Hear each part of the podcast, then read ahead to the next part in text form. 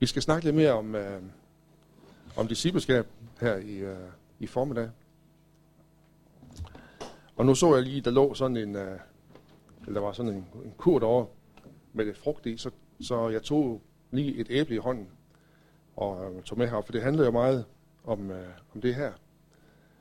Og det, jeg står med i hånden, det er jo det, som vi, som vi oftest vil sige, det er æbletræets frugt, det jeg står med her i hånden. Men det er indpakningen af æbletræets frugt, jeg står med her. For sige, selve frugten af, af æbletræet, det finder man inde i. Hvis nu man er god til sådan noget, hvis man arbejder på en frugtplantage, så kan man lige sådan brække sådan et æble op, og så er der de her små kerner inde i, som har potentiale til at reproducere et nyt æbletræ. Og det er faktisk allerinderst inden æbletræets frugt. Det er et nyt æbletræ. Ligesom discipleskabets frugt ikke bare er en ny disciple, men en ny disciple skaber. En, som er i stand til at, at gøre den næste til en disciple skaber, som kan gøre den næste til en disciple skaber. Og på den måde er vi som, som øh, Guds rige på jorden konstant i udvikling og vokser. Så æblet er en smuk og en velsmagende indpakning af æbletræets egentlige frugt, som er kernen, som indeholder alt det, som, er, som skal til for at skabe et nyt æbletræ. Og det skal vi huske også, når vi ser, når vi ser på vores fællesskab, ser vores forskellighed, at vores indpakning, den kan være meget forskellig. Men det egentlige, det er det frø, som Gud har plantet indeni. Og når vi får det frø forløst til at reproducere Guds rige, det Guds rige, som Gud har lagt ned i dig, når du kan reproducere det i dit liv, så, øh, så har vi vækst. Og så, så er vi levende Guds rige på jord. Og det, øh, så det inspirerer mig bare lige med, med æblet og med frugten. Og Jesus taler om frugt i, øh, i Johannes evangelie kapitel 15, hvor han, øh, han taler om det med, at han er vintræet, og at vi er grenene.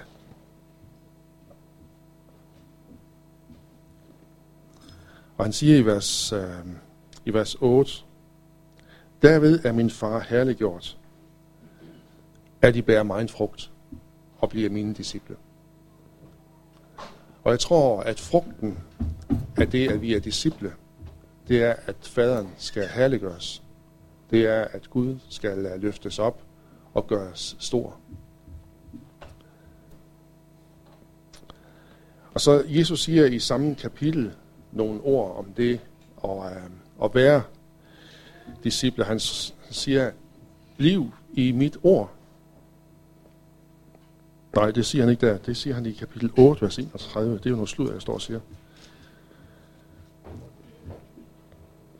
Johannes 8, vers 31, der siger Jesus, hvis I bliver i mit ord, er I sandelig mine disciple. Så der er en forudsætning for at være en disciple. Og det er at blive i, uh, i det ord, som, uh, som Jesus har givet os. Og det interessante det er at finde ud af, at ordet blive i, det betyder faktisk at tage bolig i, eller hvile i, eller have øhm, sit hjem i. Så det er meget, det er meget, øh, det er meget fyldigt ord. Der er rigtig meget smag i det. Men at blive i ordet betyder ikke bare, at vi læser ordet, men det betyder, at, at det er i vores liv på en sådan måde, at det er naturligt for os. Ligesom det er fuldstændig naturligt for mig, når jeg kommer ind ad døren. Jeg skal ikke spørge Karen, om det er okay, jeg sætter mig ned i min gyngestol. Jeg sætter mig ned i min gyngestol, fordi det er min plads. Det er... Så sætter jeg mig bare ned, og så slapper jeg helt af der. Ja. Og på samme måde kan vi være i ordet, sådan at, uh, um, at det er naturligt for os. Når det, når det lever i os, og um, og vi kan få det omsat i handling. Det, det betyder, at vi bliver i Guds ord. Og så siger Jesus, så er jeg i mine disciple. Jesus gjorde rigtig, rigtig mange ting sammen med sine disciple. Og en af de, tror jeg, for mig i hvert fald, aller, aller smukkeste ting, som Jesus gjorde med sine disciple, det er i Johannes evangelie kapitel 13, hvor der står beskrevet, hvordan at Jesus vasker sine, eller vasker disciplernes fødder. Og siger til dem, at han har gjort det, så siger han, jeg har sat jer et eksempel, sådan som jeg har gjort, sådan skal I også øh, gøre over for hinanden. Men det, der er rigtig stærkt i den historie, det er det, det, er det som hele historien starter med. I, i vers 1, hvor der står, at det var før påskehøjtiden. Jesus vidste, at hans time var kommet til at gå bort fra denne verden til faderen. Og som han havde elsket sine egne. Hvem var, hvem var det, som var Jesu egne? Det var Jesu disciple. Det var dem, som han kaldte for sine egne dem som hørte til hos ham. Sådan som han havde elsket sine egne her i verden, elskede han dem til det sidste. Og ofte når vi hører ordet sidste, så tænker vi tid. Så tænker vi, hvis, hvis slutningen er klokken 12, så er det sidste, det er klokken 1 minut i 12, og så lidt hen 45-47 sekunder, så er det på det sidste, lige inden det er, er, er sådan fuldt. Jesus elskede disciplene til det sidste. Ikke bare forstået i tid, men hvis man kigger på det ord sidste, så lægger der også den betydning i det, at Jesus elskede dine, sine disciple i yderste konsekvens. Han var villig til at gå hele vejen og elske dem helt ud til sidste blodstruppe. Elskede han disciplene. Så stærkt var det for ham at, øhm, at møde dem her og betjene dem med at, øhm, at vaske deres fødder som et symbol på, da han vasker fødderne på dem, og ikke hele kroppen. Peter kommer og så siger, du skal ikke vaske mig, så skal du vaske det hele. Og Jesus han siger, hvis ikke jeg vasker dine fødder, så har du ikke, så har du ikke lod og del sammen med mig, så kan du ikke være min disciple. Og jeg tror, der ligger noget i det, også som vi snakkede om i går, at vi skal forstå, at det ord, Jesus siger til dem, I er allerede rene på grund af det ord, jeg har talt. Så når man er ren, behøver man ikke at vaske hele kroppen igen. Men vandringen, også vandringen som disciple, giver os støv på fødderne. Og øh, en gang imellem, så får vi jogget i noget skidt. Og der er det, vi kan komme til Jesus. Eller Jesus kommer til dig og til mig og vaske mine fødder. Sådan, så mine fødder bliver rene. Men jeg, jeg må forstå, at som en Jesu disciple, så skal jeg tage imod det ord, Jesus taler også til dig og siger, at du er allerede ren på grund af det ord, jeg har talt til dig.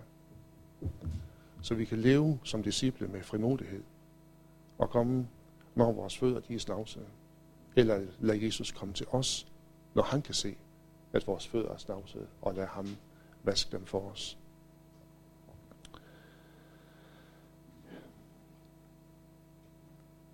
Hvad er, hvad er, hvad er discipleskab, hvis man sådan... Jeg tror, det er rigtig, rigtig svært at definere et discipleskab som sådan, men vi kan se, hvordan det ser ud.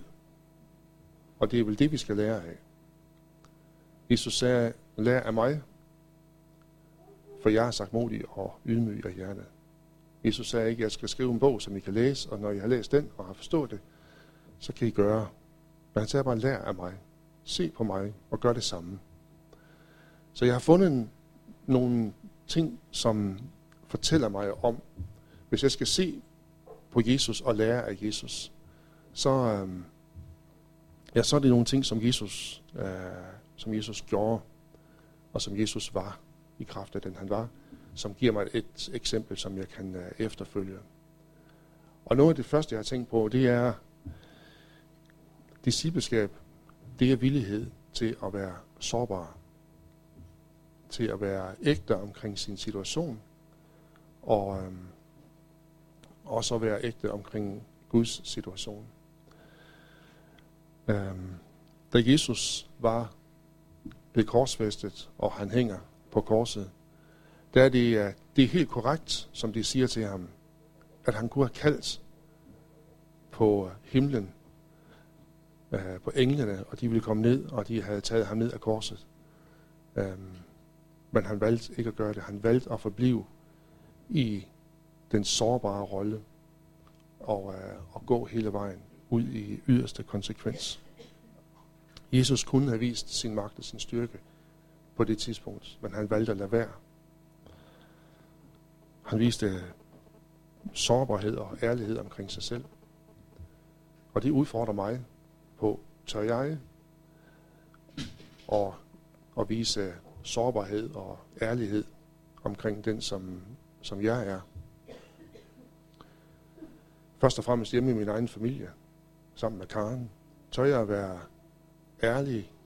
Tør jeg at være sårbar i de situationer? Eller skal jeg helst have kontrol over alting? Øhm, det kan afhænge meget af ens personlighed, det der med at gerne vil have ting i kontrol. Meget i, mange kan være meget afslappet osv., men jeg tror, vi alle sammen udfordres meget på det med åbenhed og med ærlighed. Og, øhm, og så når jeg, nu har vi bare været her i går aftes og her til morgen og høre, hvordan snakken den går og sådan noget der. Og øhm, jeres fællesskab, det bærer, det bærer meget præg af, at man skal ikke være sammen ret lang tid, inden man kommer til at tale om det egentlige. Øh, synes jeg, jeg kan høre sådan på jeres samtaler. Og det glæder mig rigtig, rigtig meget. Fordi det er jo kirke. Øh, en af mine gode venner sagde til mig øh, her i sommer, at øh, og det var i foråret, vi var til en fødselsdag, og øh, så siger han så, at man har lige været, har lige været i fjernsynet med kirkeministeren og haft en, en debat omkring øh, kirke. Og øh, der har han fået lov til at slutte den debat med at sige, at menighed bestod af tre ting. Det bestod af tre S'er. Det bestod af, bestod af spiritualitet, substans og socialt fællesskab. Spiritualiteten, det er det, vi har delt med hinanden her til morgen, og du havde et ord, som du delte, og vi har været sammen i lovsangen. Vi har bedt sammen. Substansen er, at vi, det vi gør, det har rødder i Guds ord. Og det sociale fællesskab, som vi har, er afgørende. Og, øhm, så jeg har bare glædet mig rigtig meget at se, at de tre S'er, de lever rigtig godt hernede i jeres, øh, i jeres fællesskab. Og den der grad af, at man gerne vil gå til benet med det samme, og vi skal, vi skal ikke være så bange for det. For det her discipleskab, det er, at vi spørger ind til hinanden, og tør at være åbne og give ærlige svar på ærlige spørgsmål. Så er discipleskab, det er også øh, villigheden til at leve et liv i tilgivelse. Og det tror jeg også udfordrer os alle sammen. Og øh,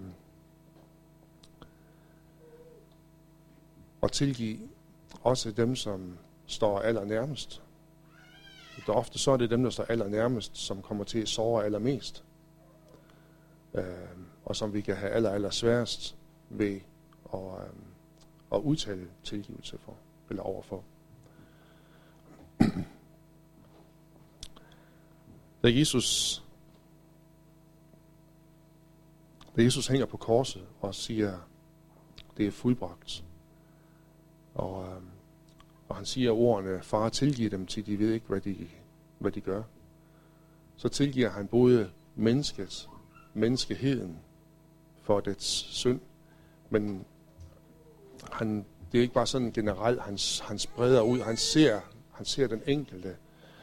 Og Peter, som han har haft nogle fantastiske oplevelser sammen med, i dyb nærhed og fortrolighed, og som har svigtet ham, en af hans allernærmeste disciple, som uh, har bandet på, at han ikke kender ham, og, øh, og som er kommet klodset af sted. Vi kender alle sammen kloven Peter, som gør de mærkeligste ting på de mærkeligste tidspunkter, og siger de dummeste ting.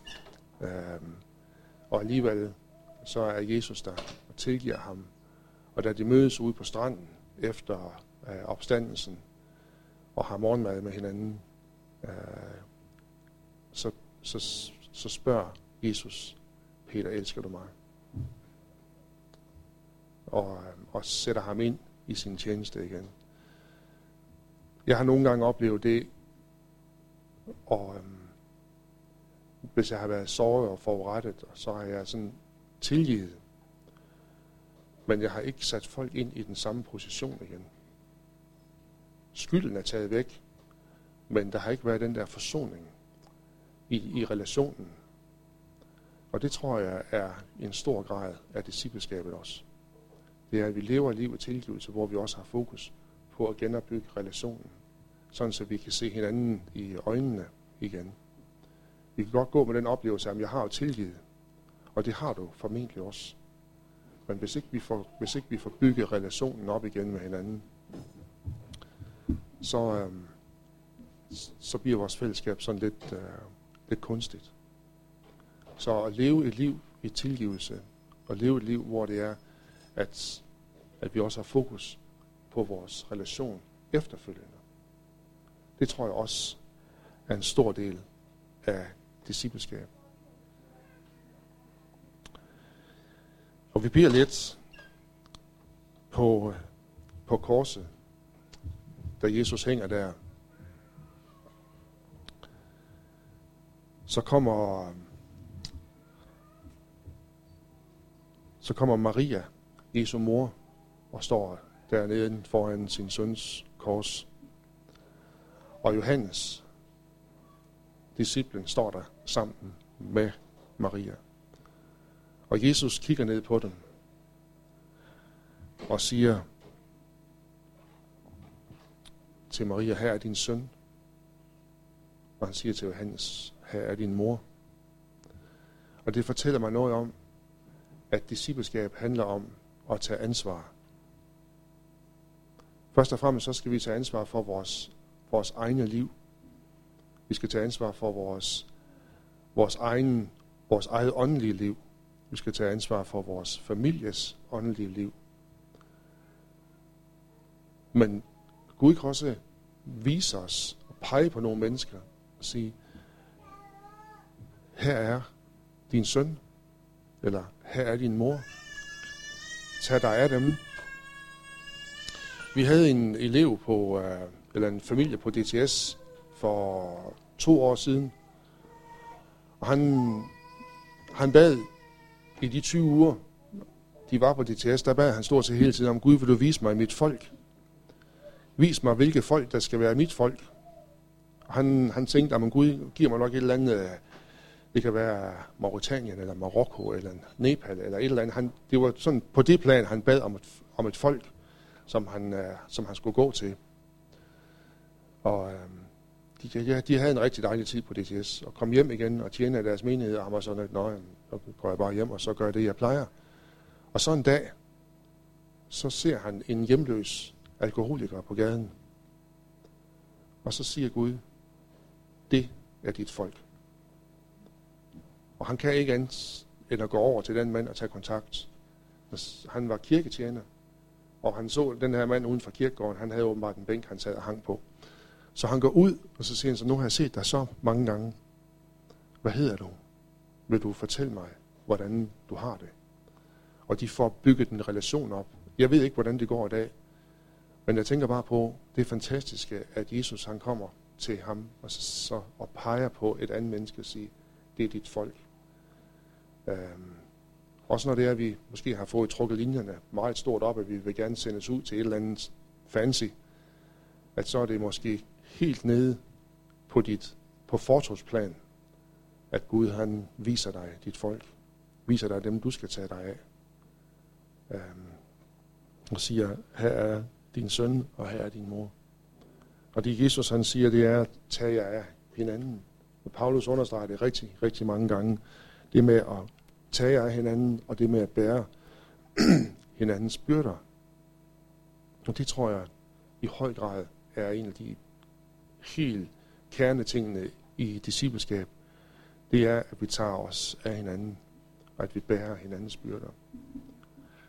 Så vi tør at være sårbare over for hinanden, og villigheden til at være det, villigheden til at leve et liv i tilgivelse, og med at få forsonet vores relationer med hinanden. Og discipleskab er det at leve, hvor man tager ansvar. Og så tror jeg, at discipleskab også handler om at tage imod. At vi, øh, at vi tør at strække hænderne ud med åbne hænder og være spændt på måske, hvad Gud lægger ned i de hænder. Der er ingen af jer, som ved, hvilken betydning det kommer til at have, at I har taget imod hinanden her i jeres fællesskab. Nogle af dem, som kommer øh, til vores land og inkluderer dem og byde dem velkommen. Der er en af jer, der ved, hvad det betyder de, øh, for de muslimer, som I har haft på det ferieprojekt der, som du fortalte om i går, Erik, som jeg synes er helt fantastisk. Tænk en kærlighedens frugt, som er sået i deres liv. Jeg har taget imod dem, uden at være bange, og givet noget til dem. Og hvem ved, hvorfor frø, der ligger derinde, og hvad potentiale det har.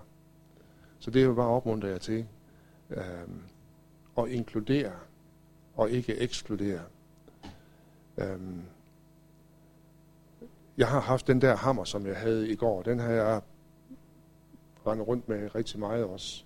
Og tænkt, at folk skulle nok være så og så gode, for at de kunne bruges, eller for at de kunne tjene, eller når, de, når der var rod i livet, hvordan kunne man så ligesom få sagt, at de skulle gøre sådan og sådan, øh, for at ligesom at fortjene sig til at være disciple, eller høre til i en menighed, eller måske tjene i, i vores fællesskab.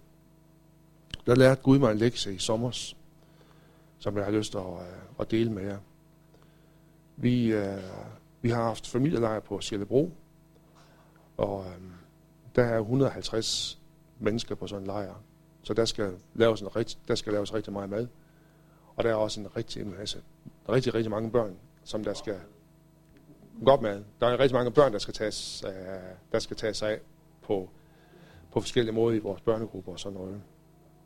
Så en af dem, som er i, uh, i ledergruppen, siger, jeg tror, jeg kender en, der kan hjælpe køkkenet. Han har en samlever, som måske kan hjælpe i en børnegruppe. De har begge to en historie med kirke, som er endt rigtig kedeligt. Men hvis nu vi, hvis nu vi åbner op for dem og byder dem velkommen, så er der ingen, der ved, hvad der kan ske. Så de kom, de har begge to et ægteskab bag ved sig, og, og, og bor bare sammen. De har talt over et stykke tid om at skulle giftes, men har sagt, at vi skal lige have sparet penge sammen, så vi kan holde det her bryllup. Og jeg må gerne fortælle det her i for de har selv fortalt det vidt og bredt, fordi det har betydet rigtig meget for dem. Så vi byder dem velkommen, når de bor som samlevende, samboende i deres campingvogn på vores uh, campingplads deroppe, og han er i køkkenet, og hun er i børnerummet, og man tænkte, hvad er det her for noget? Det er jo en kristen lejr. Um, men jeg skal, bare, jeg skal bare fortælle jer, hvad det betød. For i en af aftenerne, de var med ind til nogle møder i ny og når de ikke lige var på med børnegrupper eller i køkken. Der var en, der gik og prædikede for dem, men Gud virkede bare. Der blev delt nogle, nogle vidensbyrd under lejren, og vi havde god tid med lovsang, og, øh, og man kunne bede for hinanden. Og så en aften, så brister boblen for dem. Og, øh, og de, øh, de spørger, om der er nogen, der vil bede sammen med dem. Og de giver simpelthen deres liv tilbage til Gud. Og øh, næste morgen, så ringer han til sit job. Han var kok på en restaurant oppe i Nordjylland, som var restaurant sådan i dagtimerne og aftentimerne, blev det sådan lidt disco-dasko, og så blev det natklub om natten. Og han var der sådan på lange vagter, og han så rigtig meget, som var rigtig skidt at se. Så han ringer op til sin chef og siger, jeg kommer ikke på mandag. Jeg siger op, for jeg har fundet ud af, at det job, jeg har, det er ikke godt, hverken for mig eller min familie. Så han siger op, og, øhm, og de tager for lejr. Og det viser sig så, at de har lyst til at komme på den næste familielejr. Der er bare en uge imellem de to lejre. Og på den næste lejr, der er han igen i køkkenet, og hun er i en børnegruppe. Men da vi møder dem på lejr, der hiver de her og siger, I skal, I skal lige høre, hvad der er sket. Fordi vi blev faktisk vi blev gift i går. Så fredag efter, de tager hjem en lørdag fra lejr, og den følgende fredag, der bliver det gift. Fordi de siger, at det, det kan ikke passe, det skal være økonomien, der, der skal være afgørende for, om vi får ting bragt i orden i vores liv. Og det siger, at noget af det, der var nøglen til, at vi ville, at vi gjorde det, og var åben for det, det var, at vi blev mødt uden fordømmelse. Vi synes jo, det er fantastisk, når det er, at vi kan læse, at der er ingen fordømmelse for den, som er i Kristus Jesus. I vores relation til Gud. Men hvis vi kan møde mennesker, os uden fordømmelse, og se, se dem med de øjne, som, som Gud ser dem med, så er alting muligt. Og pludselig så har du en familie, som har valgt at sige, vi vil have tingene bragt i orden. Pludselig så, så har børnene fået sådan, ikke bare en mor, som lever sammen med en papfar og, og sådan men vi har fået et hjem. Og, øh, og der er en far nu, som er i stand til at være mere for sin familie, end han har været før. Det er ikke nemt at bo i sådan Randersområdet, og så have arbejdet i Lykken. Der er rigtig langt derop. Øhm, men pludselig at få tingene bragt i orden, fordi de oplevede et fællesskab, hvor der var, der var ingen fordømmelse. Og det tror jeg også er discipleskab. Det er discipleskab at tage imod hinanden, sådan som vi er. Og vi har alle sammen brug for at blive taget imod. Selv dem, som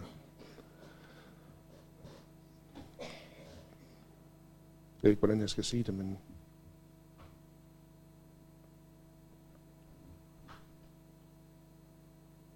jo, selv os, som har været i menighed i rigtig mange år, synes vi hører rigtig meget til, og, øh, og er fortrolige med det, og, og, og komme i fællesskab og sådan noget der. Vi har brug for at opleve, at folk tager imod os ligesom vi har brug for at tage imod folk. For nogle gange så kan det godt blive sådan, at vi kommer til at tænke dem og os i en menighed. Men jeg tror, det som Gud kalder os til, det er, at vi tænker vi i fællesskabet.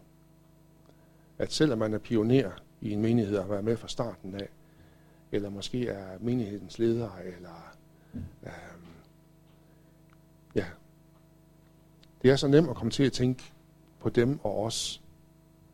Så kommer det de nye ind, og så skal de lige have lov til at, ja, at være der et stykke tid, og inden det er, vi egentlig tør at, at inkludere dem. Og jeg tror, det er, det er rigtig fint, at vi, at vi har en tid, hvor vi sådan bygger lidt hjerterelationer med hinanden og sådan noget.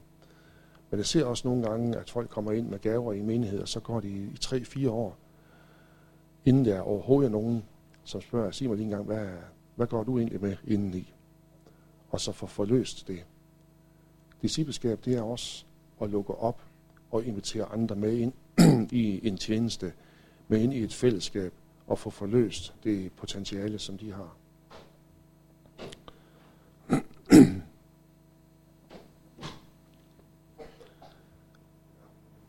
Så har jeg lyst til at, at bare sige også, at discipleskab for mig, det er det er færdigt arbejde, og det er forpligtelse.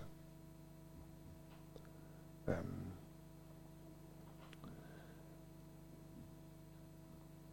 jeg tror, den, den generation, som vi ser nu, som, øh, som vokser op, har brug for at se et eksempel på forpligtelse. Altså helt ned, på, helt ned i det nære, de har brug for at se far og mor være forpligtede og, og overgivet til hinanden hjemme i deres hjem. De har brug for at, at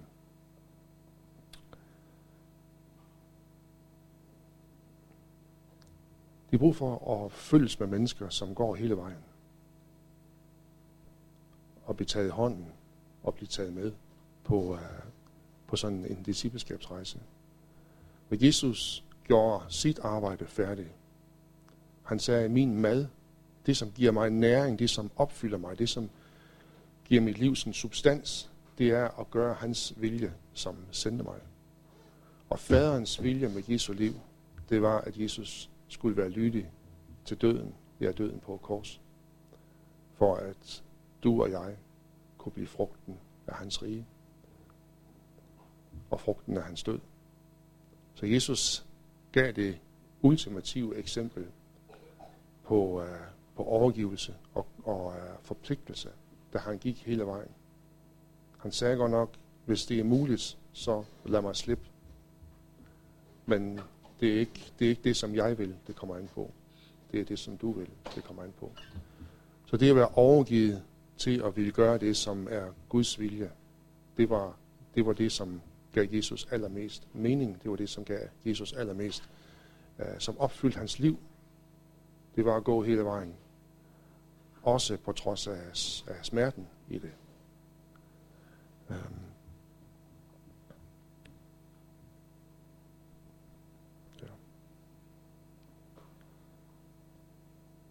Jesus sagde til sine disciple, I er mine venner. Jeg kalder jer ikke længere bare tjenere, men I er mine venner.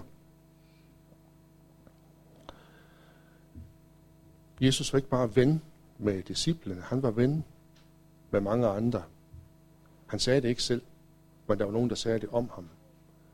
Og dem, der sagde det om ham, det var ligesom øh, uh, reven, der sagde om rønnebærene, de er sure, da han ikke kunne nå dem øh, tollerne, eller farisæerne og de skriftkloge, de sagde om Jesus, se, han er ven med tollere og syndere.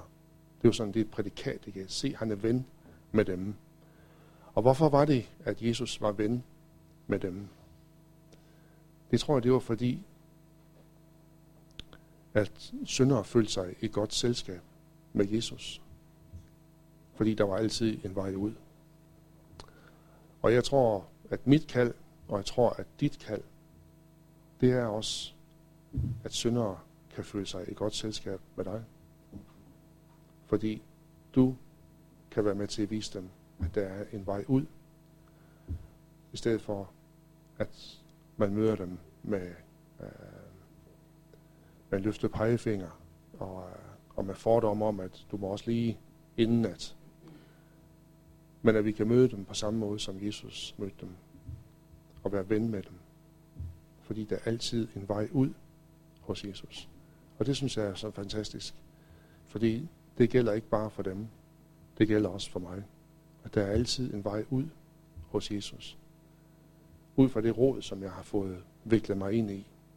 Selv som kristen igennem mange år, øh, får jeg jo stadigvæk lavet knuder på alt muligt, og og ting, som kan være vanskelige for mig. Og jeg får forkerte billeder af Gud, og øh, beskylder ham for ting, som han ikke øh, har nogen andel i, egentlig.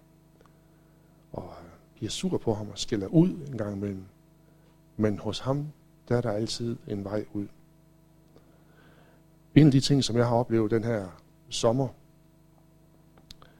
øh, eller forår, det er, øh,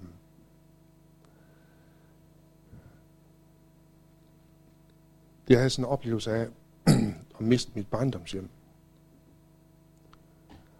Um, og det kommer til, det kommer til at, ligesom at projektere over på Gud. Og se og tænke om Gud, kan jeg vide, om jeg har mistet mit barndomshjem hos ham. Det er sådan, jeg er 49 år og har og skilsmissebarn. Men det har jeg ikke altid været. Men det blev jeg sidste år i øhm, um, Sankt Hans aften der gik min far og mor hver øh, til sit efter mere end 50 års ægteskab. Og pludselig så blev jeg mærke indeni, i, hov, der var egentlig en lille dreng, som ikke rigtig kunne finde ud af, hvor han hørte hjemme henne. Hørte jeg hjemme hos min far, eller hørte jeg hjemme hos min mor? Og det der fælles hjem, som, hvor, hvor man siger, skal vi ikke køre hjem? Det kan jeg ikke sige længere. Fordi jeg har ikke noget hjem. Jeg har ikke noget sted, hvor det er naturligt for mig. De er begge to flyttet fra det, som var mit hjem engang. Så nu skal jeg besøge min mor et nyt sted, og jeg skal også besøge min far et nyt sted. Og de kan ikke holde ud at være sammen, så det skal gerne planlægges sådan, så man kan være til kaffe det ene sted, og til mad det andet sted, og det er noget farligt bøvl. Og det gav mig den der oplevelse af ikke at høre til nogen steder. Og på en eller anden måde, så fik jeg det koblet på over hos Gud. Kan vide, om jeg egentlig hørte til hos ham. Selvom jeg har været øh, lykkelig frelst i mange, mange år, så sned det sig alligevel ind, og jeg fik det der billede af ikke rigtig at høre til. Og så i år på, øh, på familielejr, der var der så øh, en undervisning. Det var på lejren ude i, i Fjellerup, hvor der hvor temaet var at finde vejen til faderens hjerte. Og der fik jeg lov til at skrive brev til Gud, hvor jeg, hvor jeg bare kunne skrive til ham. Jeg kan ikke forstå, hvorfor jeg har det sådan, som jeg har det. Men jeg har svært ved at forstå, at jeg hører hjemme hos dig. Og mens jeg skrev det brev, så kunne jeg bare mærke, at Gud han brød noget inden i mig. Og jeg måtte slutte brevet af med at skrive til ham. Tak fordi jeg alligevel hører hjemme. Han viste mig vejen ud af det råd, jeg havde fået i mine tanker. Og han bekræftede for mig, at jeg var både, jeg var både ven, jeg var søn, jeg var ikke en tjener, men jeg var disciple, og jeg kunne ranke ryggen og være glad for det, han har kaldet mig til at være.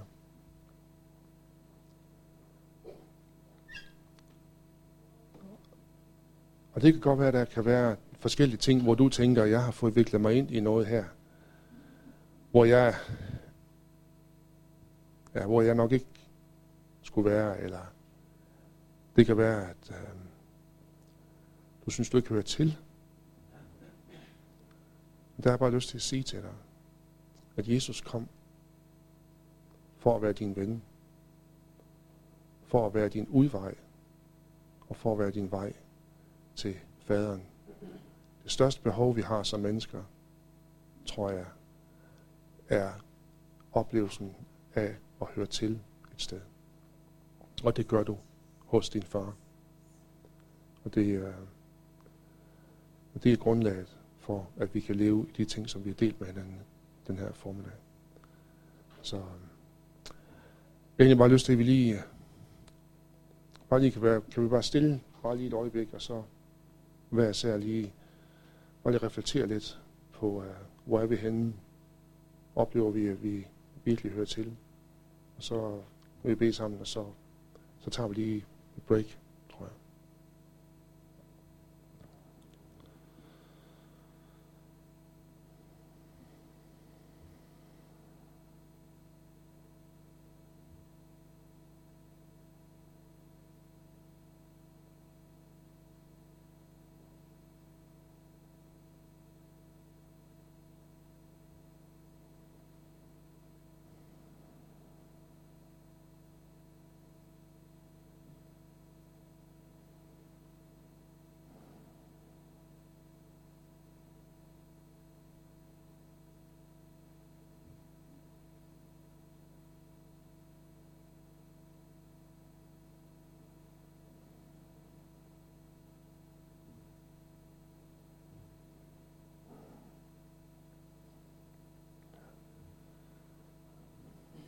Tak, far, for at, at vi får lov at være sønner, døtre af dig. Tak, at du åbner dit hjem for os. Tak, Jesus, for at du er, du er gået vejen, hele vejen. Og lige nu så gør du en plads klar i det, som er mit egentlige hjem mit rigtige hjem. Og tak for det, Jesus. Men tak også for, Jesus, at indtil jeg flytter ind i det hjem, så får jeg lov til at høre til hos dig. Midt i det liv og den verden, som du har kaldet mig til at leve i. Bare tak for, at der er, der er ingen fordømmelse for dig eller hos dig. Men der er frihed til at leve og virke og røre os med det, du har givet os og røre os med. Far, at hjælpe os at, at leve i det helt praktiske, som du, det eksempel, som du viste, Jesus, for os i vores liv. Lær af dig at være disciple af dig, Jesus.